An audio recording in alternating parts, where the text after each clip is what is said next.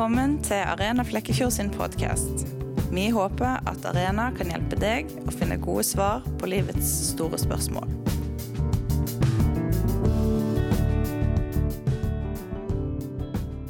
Hei, hei.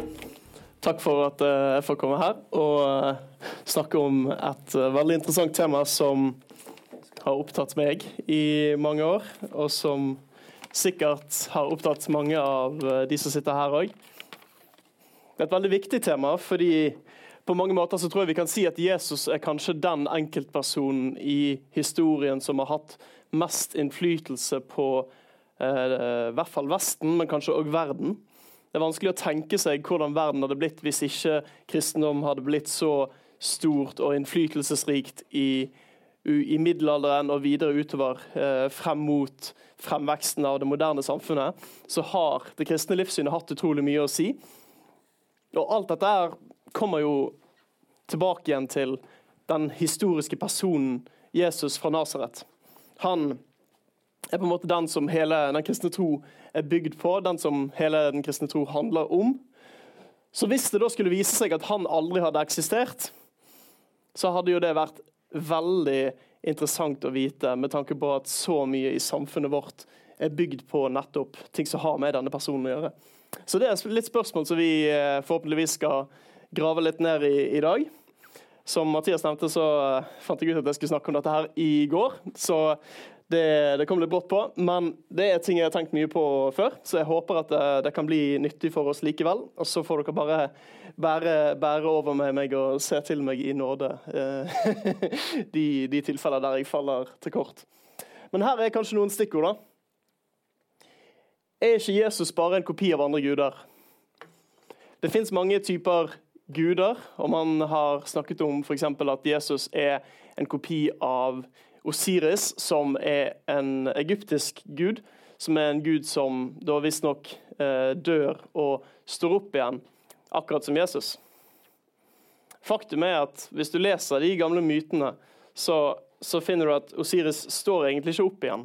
Eh, han, han, forblir død, kroppen hans forblir død, mens med Jesus så er det en helt annen eh, mekanisme som, som i hvert fall de kristne påstår at har skjedd. De påstår at ikke bare at han døde, men at han faktisk kroppslig sto opp fra graven. Og det, det, betyr ikke uten videre at den påstanden er sann, men det er det de påsto. Og det er en annen påstand enn at han forble død. For eksempel, eh, Det neste spørsmålet her, har ikke Bibelen blitt tuklet med mye opp gjennom disse 2000 årene siden den ble skrevet? Det er et veldig relevant spørsmål, for Hvis det skulle vise seg sånn at vi ikke har noe særlig kunnskap om hva som sto i de opprinnelige skriftene i Nytestamentet, så har jo vi ikke tilgang på de viktigste kildene om Jesus i det hele tatt. Så det er helt sentralt. Og så er det et interessant spørsmål om det fins kilder som er fra samme tid som Jesus levde, som òg snakker om Jesus. Dette er litt spørsmål vi skal se på nå. Eh, jeg har lyst til å innlede med et sitat fra en forsker på Det nye testamentet som ikke er kristen. Han kaller seg agnostiker, eh, lener mot ateist. Bart Ørmen heter han. Han er egentlig kjent for å være nokså skeptisk og kritisk til mye av Det nye testamentet. Mer kritisk enn kanskje andre forskere i samme felt. Det er ikke å si at han er ikke god i faget sitt, han er veldig god i faget sitt, blant de fremste i verden. Men når det kommer til spørsmålet om Jesus fins, eller eksisterte, om han levde på denne jorden eller ikke, så er han ikke i tvil i det hele tatt. Han sier det sånn There is no scholar in, the, in any college or university in the Western world who teaches classics, ancient history, New Testament, early Christianity, or any related field who doubts that Jesus existed. Altså, han mener at det er ingen forsker på noen universitet i hele Vesten som stiller seriøs tvil ved om Jesus eksisterte. Det fins en liten bevegelse av de som gjør det i dag, men de er så marginalisert. Og Han her går faktisk og sammenligner det med å tro at uh, verden ble skapt for 6000 år siden. eller noe sånt. Som jo noen tror, men, men, i forskningsmiljøene så er det så godt som ingen som tror på det blant høyt ansatte biologer eller fysikere i dag. På samme måte, ingen høyt ansatte nytestamentforskere eller seriøse eh, oldtidshistorikere som tror at Jesus ikke levde på denne jorden. Så nå skal vi se litt på hvorfor. Vi har en haug med kilder. Eh, mye av de er innenfor eh, det som vi kjenner som Bibelen, til Jesus fra Nasaret. Vi har de fire evangeliene, Markus, Matteus, Lukas og Johannes. Disse evangeliene er, skal vi se på om, om de kan være troverdige når det kommer til å beskrive denne personen. Men så har vi òg eh, andre kilder til Jesus. Vi har brev som utgir seg for å være fra apostelen Peter, som utgir seg for å være fra Jakob, broren til Jesus. Og vi har eh, brev fra Paulus, som sannsynligvis ikke kjente Jesus personlig, men som hadde en omvendelsesopplevelse veldig tidlig etter Jesus var død og da i hvert fall stått opp igjen, påstår de kristne. Eh, så Paulus er også en veldig viktig kilde til Jesus fra Nasaret. Så har vi to til der, Tacitus og Josefus. De er det kanskje ikke så mange som har hørt om, men det er, to, det er to romerske historikere. Eller Josefus er en jøde som skrev på vegne av romerne. Eh, det er to, eh, de to Jeg tror det er de to kildene som snakker om Jesus utenom på en måte kristen litteratur. Ingen av de, verken Josefus eller Tacitus, er kristne. Litt sånn Pga. tidsbegrensningene mine i forbindelse med dette foredraget, her, så har jeg valgt å fokusere på Josefus uh, i det som kommer nå. Det er litt fordi jeg kan mer om han enn jeg kan om Tacitus. Så sånn er det bare. Oi. Ja. Nei. Det er første gang jeg bruker sånn klikkegreier. Evangeliene det er jo disse her uh, fire stykkene som vi har helt i begynnelsen av Nytestamentet, Matteus, Markus, Lukas og Johannes. Og Da må vi spørre har de blitt tukla med. Har de som står i denne her, andre ordlyder eller noe sånt enn de originale? Da må vi spørre hvor gamle manuskripter av disse nytestamentlige eh, skriftene kan vi ha tilgang på? Og hvor mange har vi tilgang på?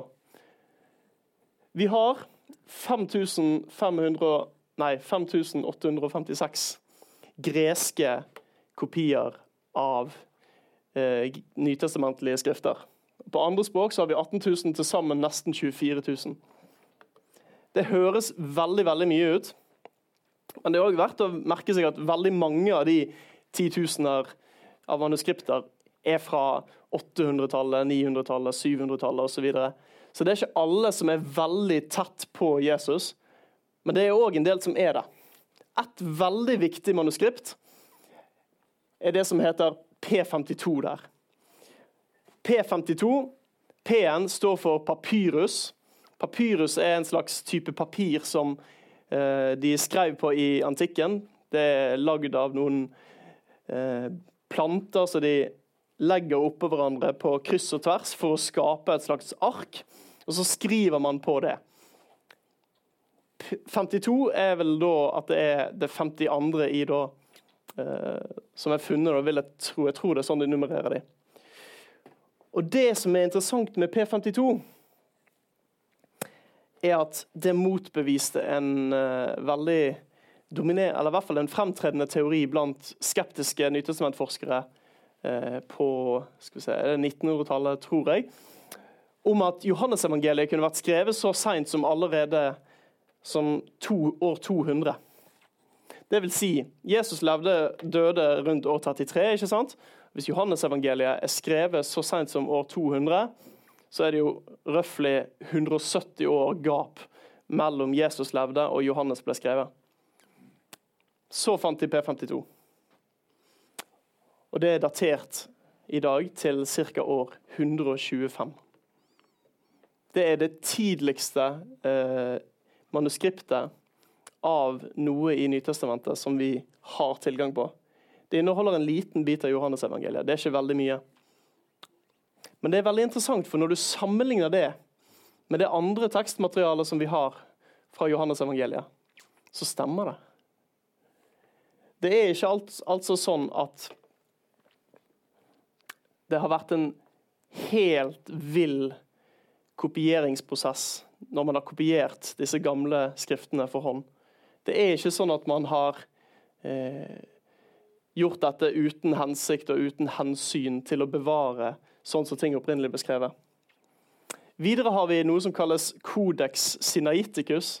Dette er òg et sånt bibelmanuskript, men uh, til forskjell fra PP52, som bare inneholder en liten bit av Johannes-evangeliet, så inneholder Codex Sinaiticus hele Nytestamentet. Og Gamle testamentet, for den saks skyld, på gresk. Men i denne sammenheng så snakker vi om kilder til Jesus, og da snakker vi jo om hovedsakelig Nytestamentet. Det er datert til omtrent rundt 300-tallet. Det er en samling av hele Nytestamentet. Så da er spørsmålet hvordan finner vi ut hva som opprinnelig sto? Og Svaret det er det som kalles for jeg har skrevet det der, tekstkritikk.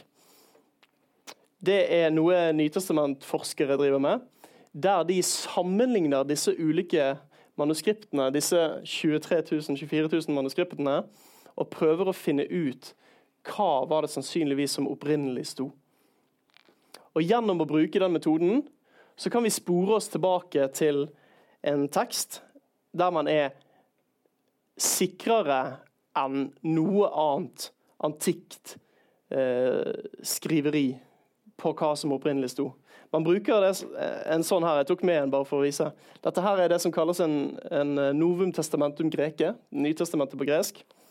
Og Her er det fotnoter som forklarer hvilke sånne gamle manuskripter som sier hva de ulike, på de ulike tidspunktene i tekstene.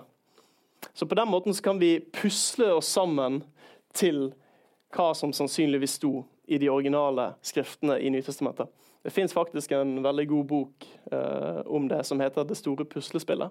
Den er skrevet på et veldig sånn, forståelig nivå, så den kan anbefales. Så kan vi sammenligne dette da, med andre verk fra antikken. Så Det nye testamentet er skrevet, De tidligste skriftene i Nytestamentet er skrevet rundt år 50. Det er mye Paulus sine brever. Og Det seneste er skrevet regner man med rundt år 100. Det er sannsynligvis Johannes' åpenbaring. Og Det tidligste manuskriptet vi har for et nytestamentskrift, det er jo dette P52, som er, funn, som er fra ca. år 125. Johannesevangeliet er skrevet ca. år 90. Altså Gapet mellom Johannesevangeliet og P52 er ca. 35 år. Dermed har vi et manuskript som kanskje er så lite som 35 år vekke fra originalen. Og Det høres kanskje ikke så spesielt ut når vi kan ta moderne forfattere og lese deres egne bøker som er trykt i millioner av opplag. Men i antikksammenheng så er det veldig unikt. Vi kan sammenligne med Platon, som vi her har sikkert hørt om alle sammen, og som ingen egentlig har noen særlig eh, sterke tvil om at dette her er fullstendig eh, forvrengt, disse skriftene om Platon eller fra Platon. Men likevel, Platon levde 400 år før Kristus. Og Det tidligste manuskriptet vi har fra Platons verker, er fra år 895 etter Kristus. Vi ser det gapet der. Det er et gap mellom Platon sjøl og det tidligste manuskriptet på 1300 år. Det er kjempelenge. Homer, en uh, gresk poet, forfatter, levde kanskje 800 før Kristus. Tidligste manuskriptet vi har, er fra år 400 før Kristus. Igjen et enormt stort gap. Mye mindre enn Platon, 400 år. Dette her er egentlig ganske bra i antikk sammenheng, 400 år. Men sammenlignet med Johannesevangeliet, som er bare 35 år, så er vi faktisk mye nærmere de originale kildene i antall år der enn i disse eksemplene jeg har tatt med her. Så kan vi snakke om evangeliene sjøl og disse beretningene som vi leser om Jesus. Er de til å stole på? Vi kan i hvert fall notere oss at de er relativt nær hendelsene de skriver om. Jesus dør, regner vi med, ca. år 33. Markusevangeliet er skrevet mellom år 50 og 75. Matteus mellom 55 og 85. Lukas 55 og 95, Johannes rundt år 90. Så her ser vi at det er 20-30 år mellom Jesus levde, og til disse evangeliene blir skrevet ned om ham. Hva så? Betyr det at uh, i disse 30 årene så var det ingen som hadde noen som helst peiling på hva Jesus holdt på med, eller, eller hva eh, han sa? Sannsynligvis ikke. Det skal vi komme tilbake til etterpå når vi skal snakke om Paulus. Men det som er interessant å bemerke med disse evangeliene, er at de har detaljer som gjenspeiler at de er skrevet av folk som var der. Gjenspeiler at de er skrevet av øyenvitner. Eh, de har detaljer som steder, om du skal gå opp til en plass eller ned til en plass. Sånne ting stemmer. Navn stemmer veldig med den type navn som man hadde på det gitte geografiske området. Og Når han nevner personer, historiske personer, eh, politikere, regjeringsfolk, prest, høytstående prester og sånne ting, så er det riktig. Det er de folkene som levde på Jesu tid. Richard Bockham, det er han som er oppe i hjørnet der, han er professor i Nytestamentet på St. Andrews-universitetet i Skottland. Han har studert forekomsten av navn i evangeliene. Og om de stemmer overens med de navnene som ble brukt som vanlige navn i eh, området rundt eh, Israel og Jerusalem, på den, Palestina, på den tiden.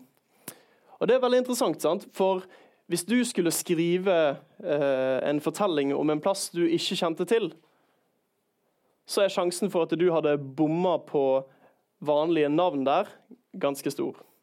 Hvis noen av oss skulle skrevet, dikte opp en fortelling om eh, Tsjekkia på 1970-tallet, så er sjansen for at vi hadde eh, truffet med valg av navn på disse personene vi skulle dikte opp, veldig, veldig lav. Men i Nytestamentet og i evangeliene så er de ni mest brukte herrenavnene det er òg de ni mest brukte navnene utenfor Nytestamentet. 41,5% av navnene i Nytestamentet, altså av alle navnene som forekommer i Nytestamentet, eller evangeliene, evangeliene, av de navnene så er 41% av de de topp ni vanligste navnene. Skjønte dere hva? Ja. Mens utenfor Nytestamentet så er det de topp ni navnene utgjør 40% av navnene utenfor Nytestamentet.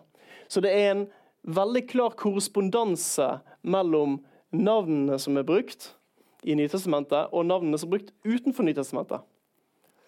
Tallene er best for herrenavn. De er ikke fullt så gode for uh, kvinnenavn, men de matcher likevel. De er innenfor en rimelig eh, rekkevidde, sånn at det, det, samsvarer med samme tidsperiode. Og det betyr forfatteren av evangeliene har etter alt å dømme da kjennskap til hva han skriver om. De kjenner til plassen, de kjenner til folkene, de kjenner til navnene. Og Det er et interessant punkt, for det gjenspeiler i det minste at forfatterne kjenner til området. Jeg har lyst til å lese dere, til dere fra helt i begynnelsen av Lukasevangeliet. Hva Lukas sier der om Han sier en liten introduksjon om, om hvordan han jobber med det han har skrevet. Han sier følgende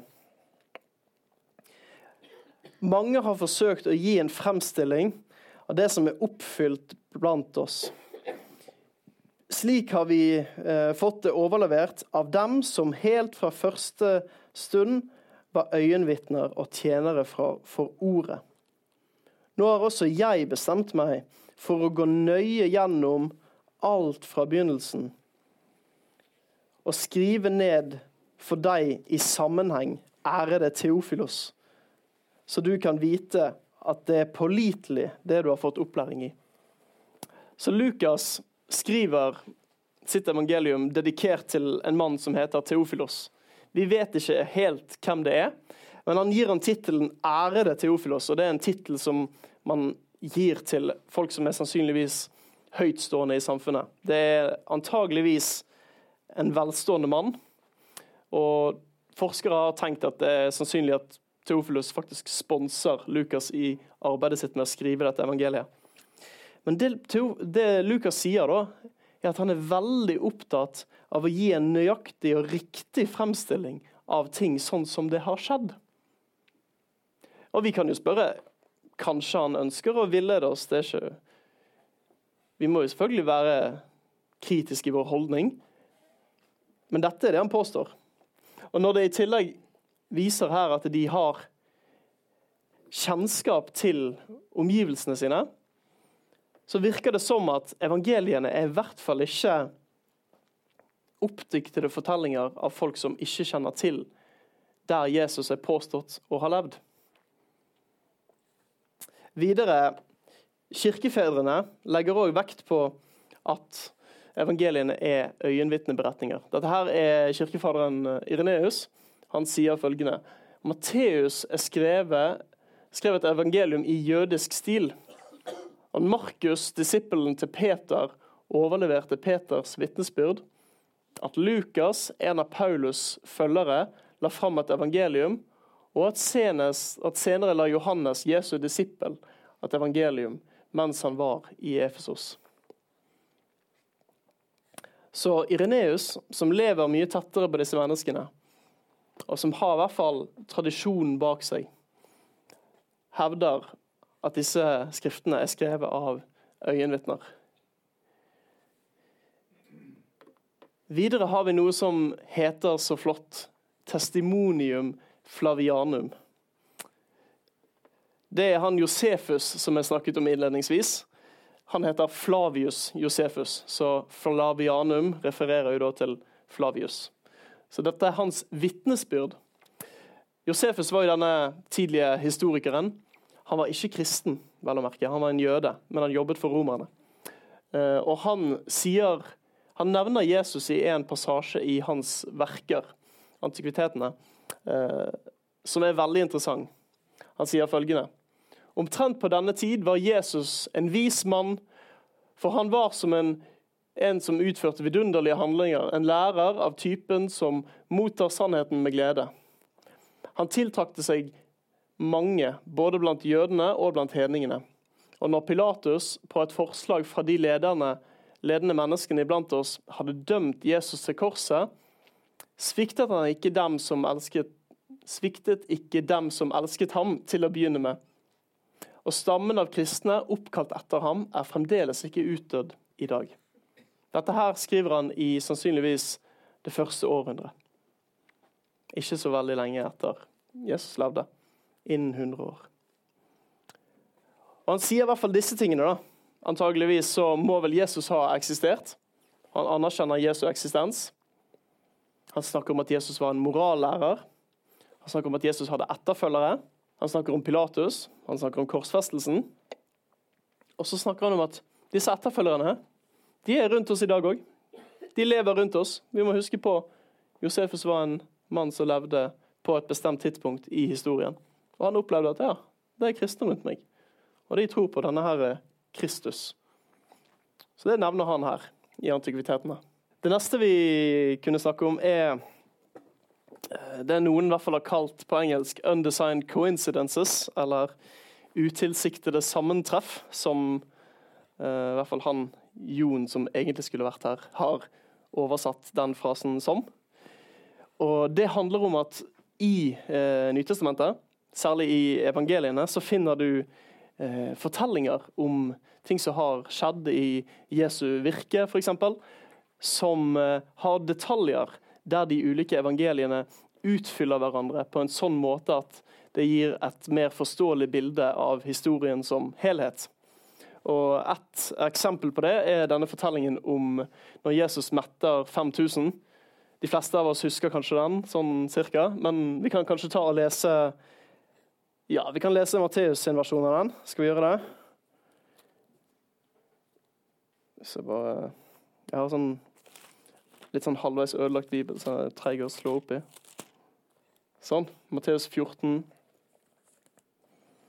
Da leser jeg. Da han nå gikk i land, fikk han se en stor folkemengde. Han fikk inderlig medfølelse med dem og helbredet de syke blant dem. Men da det ble kveld, kom disiplene til han og sa:" «Eh, Stedet er øde, og det er alt blitt sent. Send folket fra deg, så de kan dra til landsbyen og kjøpe seg mat. De trenger ikke gå herfra, sa Jesus. Dere skal gi dem mat. Men vi har bare fem brød og to fisker, svarte de. Da sa han, bring det hit til meg. Så ba han folket sette seg ned i gresset, og han tok de fem brødene og de to fiskene, løftet blikket mot himmelen og ba takkebønnen. Deretter brøt han brødene og ga eh, dem til disiplene, og disiplene delte ut til folket. Og alle spiste og ble mette. Etterpå samlet de opp eh, stykkene som var til overs, tolv kurver fulle. Og de som hadde spist, var omkring 5000 menn, utenom kvinner og barn. Så dette er en veldig kjent fortelling om Jesus, det såkalte brødunderet. Eh, og det som er interessant, er at det er flere detaljer her der de ulike evangeliene utfyller hverandre. Eh, F.eks. i Johannes sin beretning så snakker Jesus til Philip og spør hvor skal vi kjøpe brød. Og sånn, Når vi bare leser Johannes, så er det ikke noen sånn særlig eh, spesiell grunn til at han skulle spørre Philip uten videre. Men hvis du leser i Lukasevangeliet, så får du vite at det var Philip som tok de med til eh, eller de tok han med til Betzaida. Og Philip var fra Betzaida.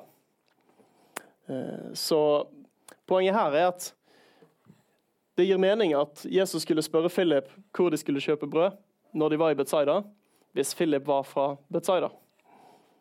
Eh, videre så står det i eh, Markus 6 det var mange som kom og gikk, så de ikke engang fikk tid til å spise. Men hvorfor Altså, det var jo 5000 folk der. Men vi skulle jo tro at de kanskje hadde god tid til å sette seg ned og slappe av og ta en kopp jeg vet ikke, ekvivalenten av kaffe på den tiden. Men folk hadde dårlig tid.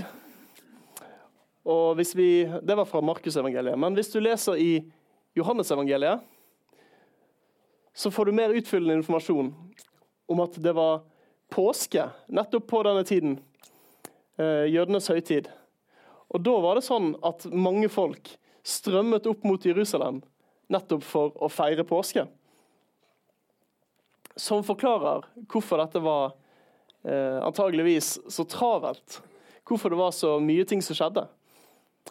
Og Det som er interessant, er at det, det virker ikke som at evangelieforfatterne har studert disse detaljene eh, og forsøkt å liksom snike inn en detalj her og der. Fordi vi ser at de, de er avhengig av hverandre. Vi ser at Markus forklarer noe hos Johannes, og Lukas forklarer noe hos Markus og Johannes. Og Det, det er et slags gjensidig eh, avhengighetsforhold på den måten at de på en tilsynelatende utilsiktet måte utfyller og utdyper hverandre. Ja, Det var da jeg hadde planlagt av pausen, men jeg tok den litt før. så eh, det jeg har lyst til å avslutte med, er en slags liten case study. Av, eh, og der, der, vi fokuserer mer på Paulus. Paulus var en av de eh, tidlige kristne apostlene. Dere vet kanskje at Paulus har skrevet Hvis du leser i på en måte innholdsfortegnelsen i et Nytestamentet, så leser du ja, noen evangelier og litt brev, og så en haug med Paulus-brev. Ikke sant? Paulus, Paulus, Paulus, Paulus. Paulus har skrevet i hvert fall det største antallet eh, skrifter som er i eh, vårt Nytestamente. Eh, professoren her kan vel korrigere meg, men eh, jeg tror det er sånn at Lukas har vel skrevet det største antall ord, hvis du regner med apostelgjerningene og Lukas samlet. Så han får ikke den tittelen, men han har definitivt skrevet flest enkelt eh, brev, da, eller verk. Eh, to gode eh, ressurser som jeg har blitt veldig glad i, og som jeg har lært mye av på Paulus, er eh, disse her. Stanley Porter, The Apostle Paul, eh, og N.T. Wright, Paula Biography. Den Paula Biography er veldig fin. Den, den, er skrevet på en måte som ikke er uh, veldig komplisert. Den inneholder ikke referanser til uh, forskerdebatter eller sånne ting.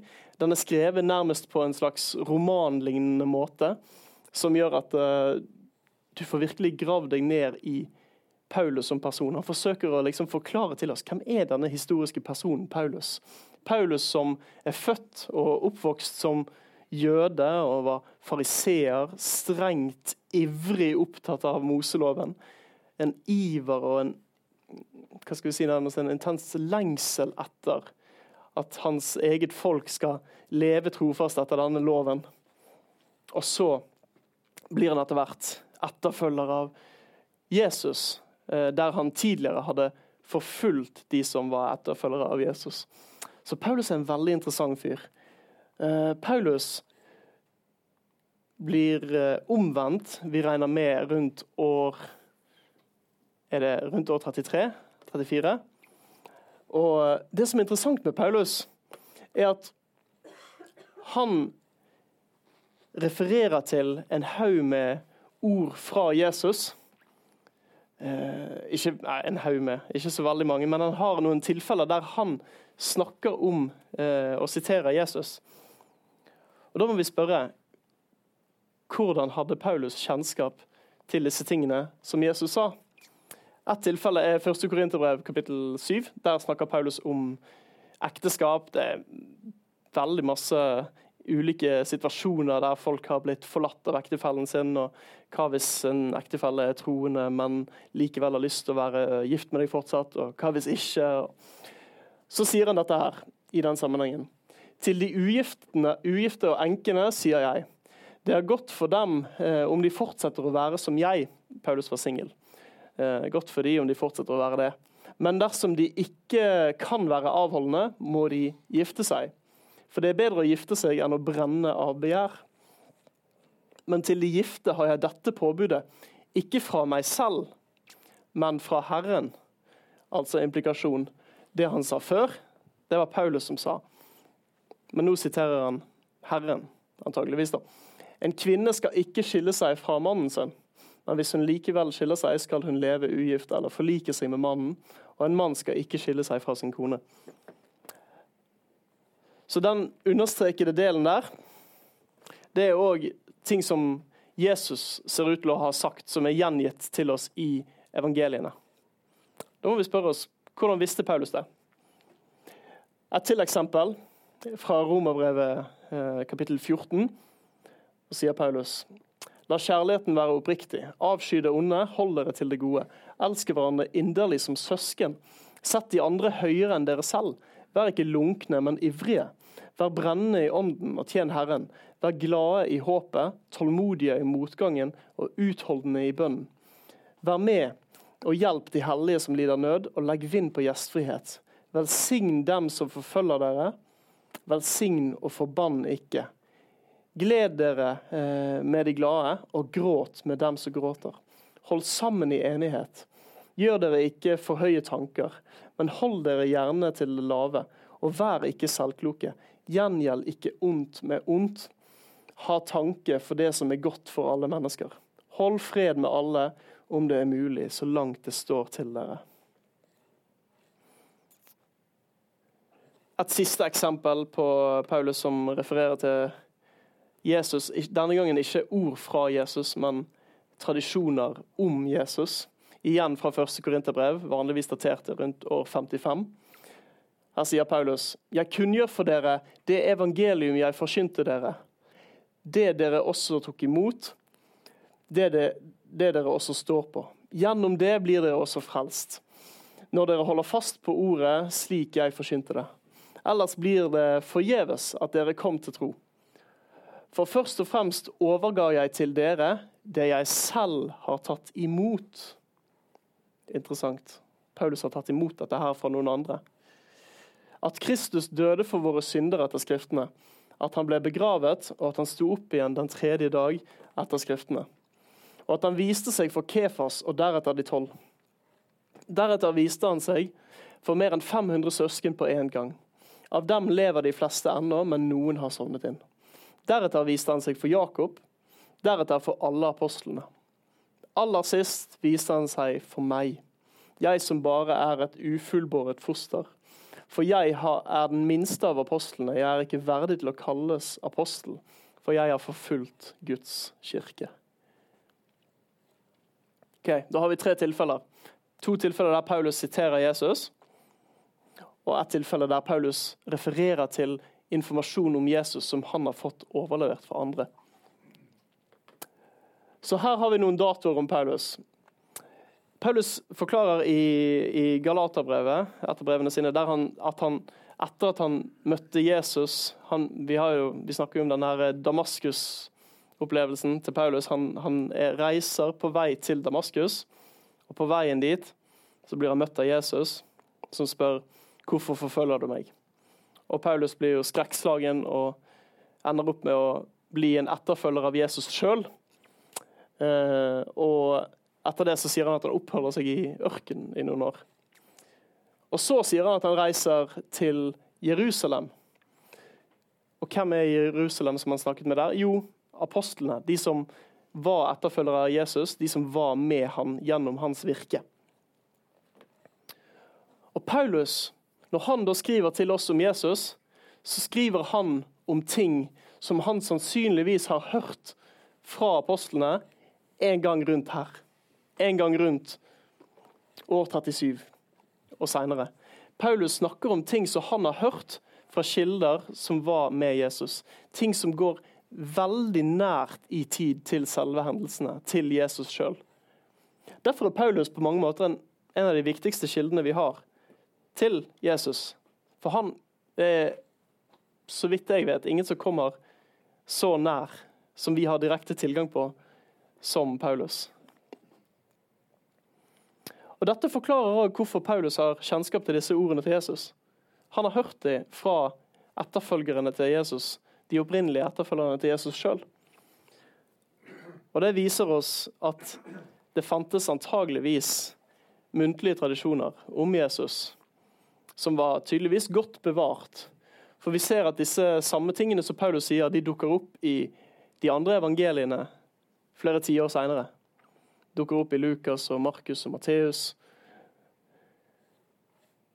Så disse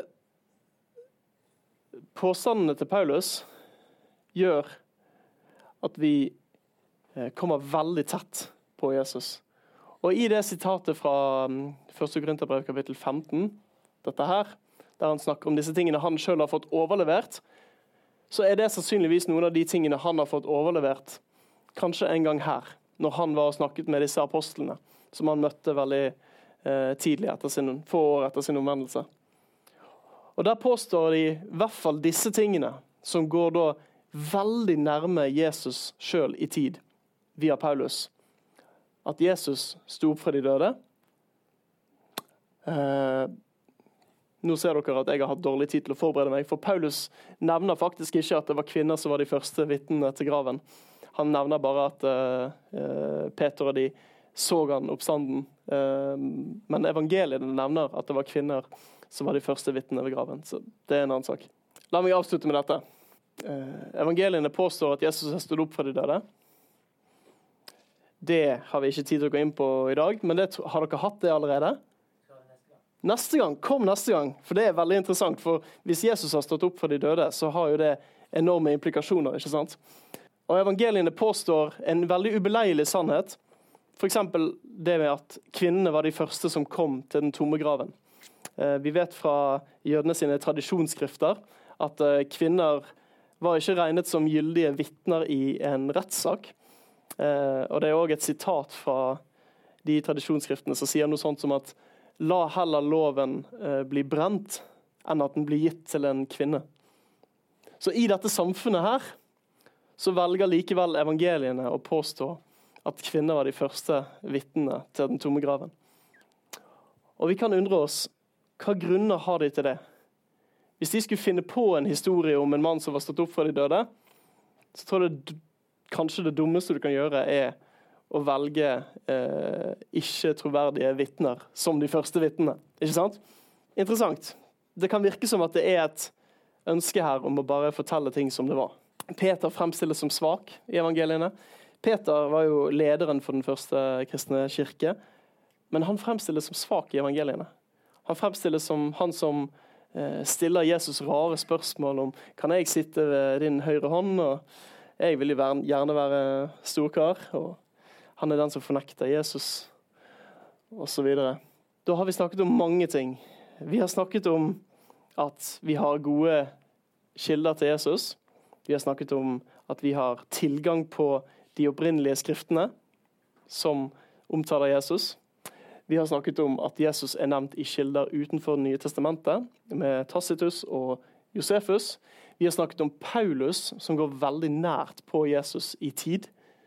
Og så har vi snakket om at evangeliene gir ubeleilige påstander om eh, kvinnene ved graven og om eh, Peter som apostel.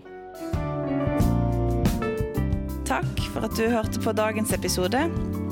Hvis du vil vite mer om Arena, kan du finne oss på Facebook. Der heter vi Arena Flekkefjord. Eller gå inn på hjemmesida vår arena-flekkefjord.no. Vi vil gjerne høre fra deg, og vi håper at vi ses på Spira.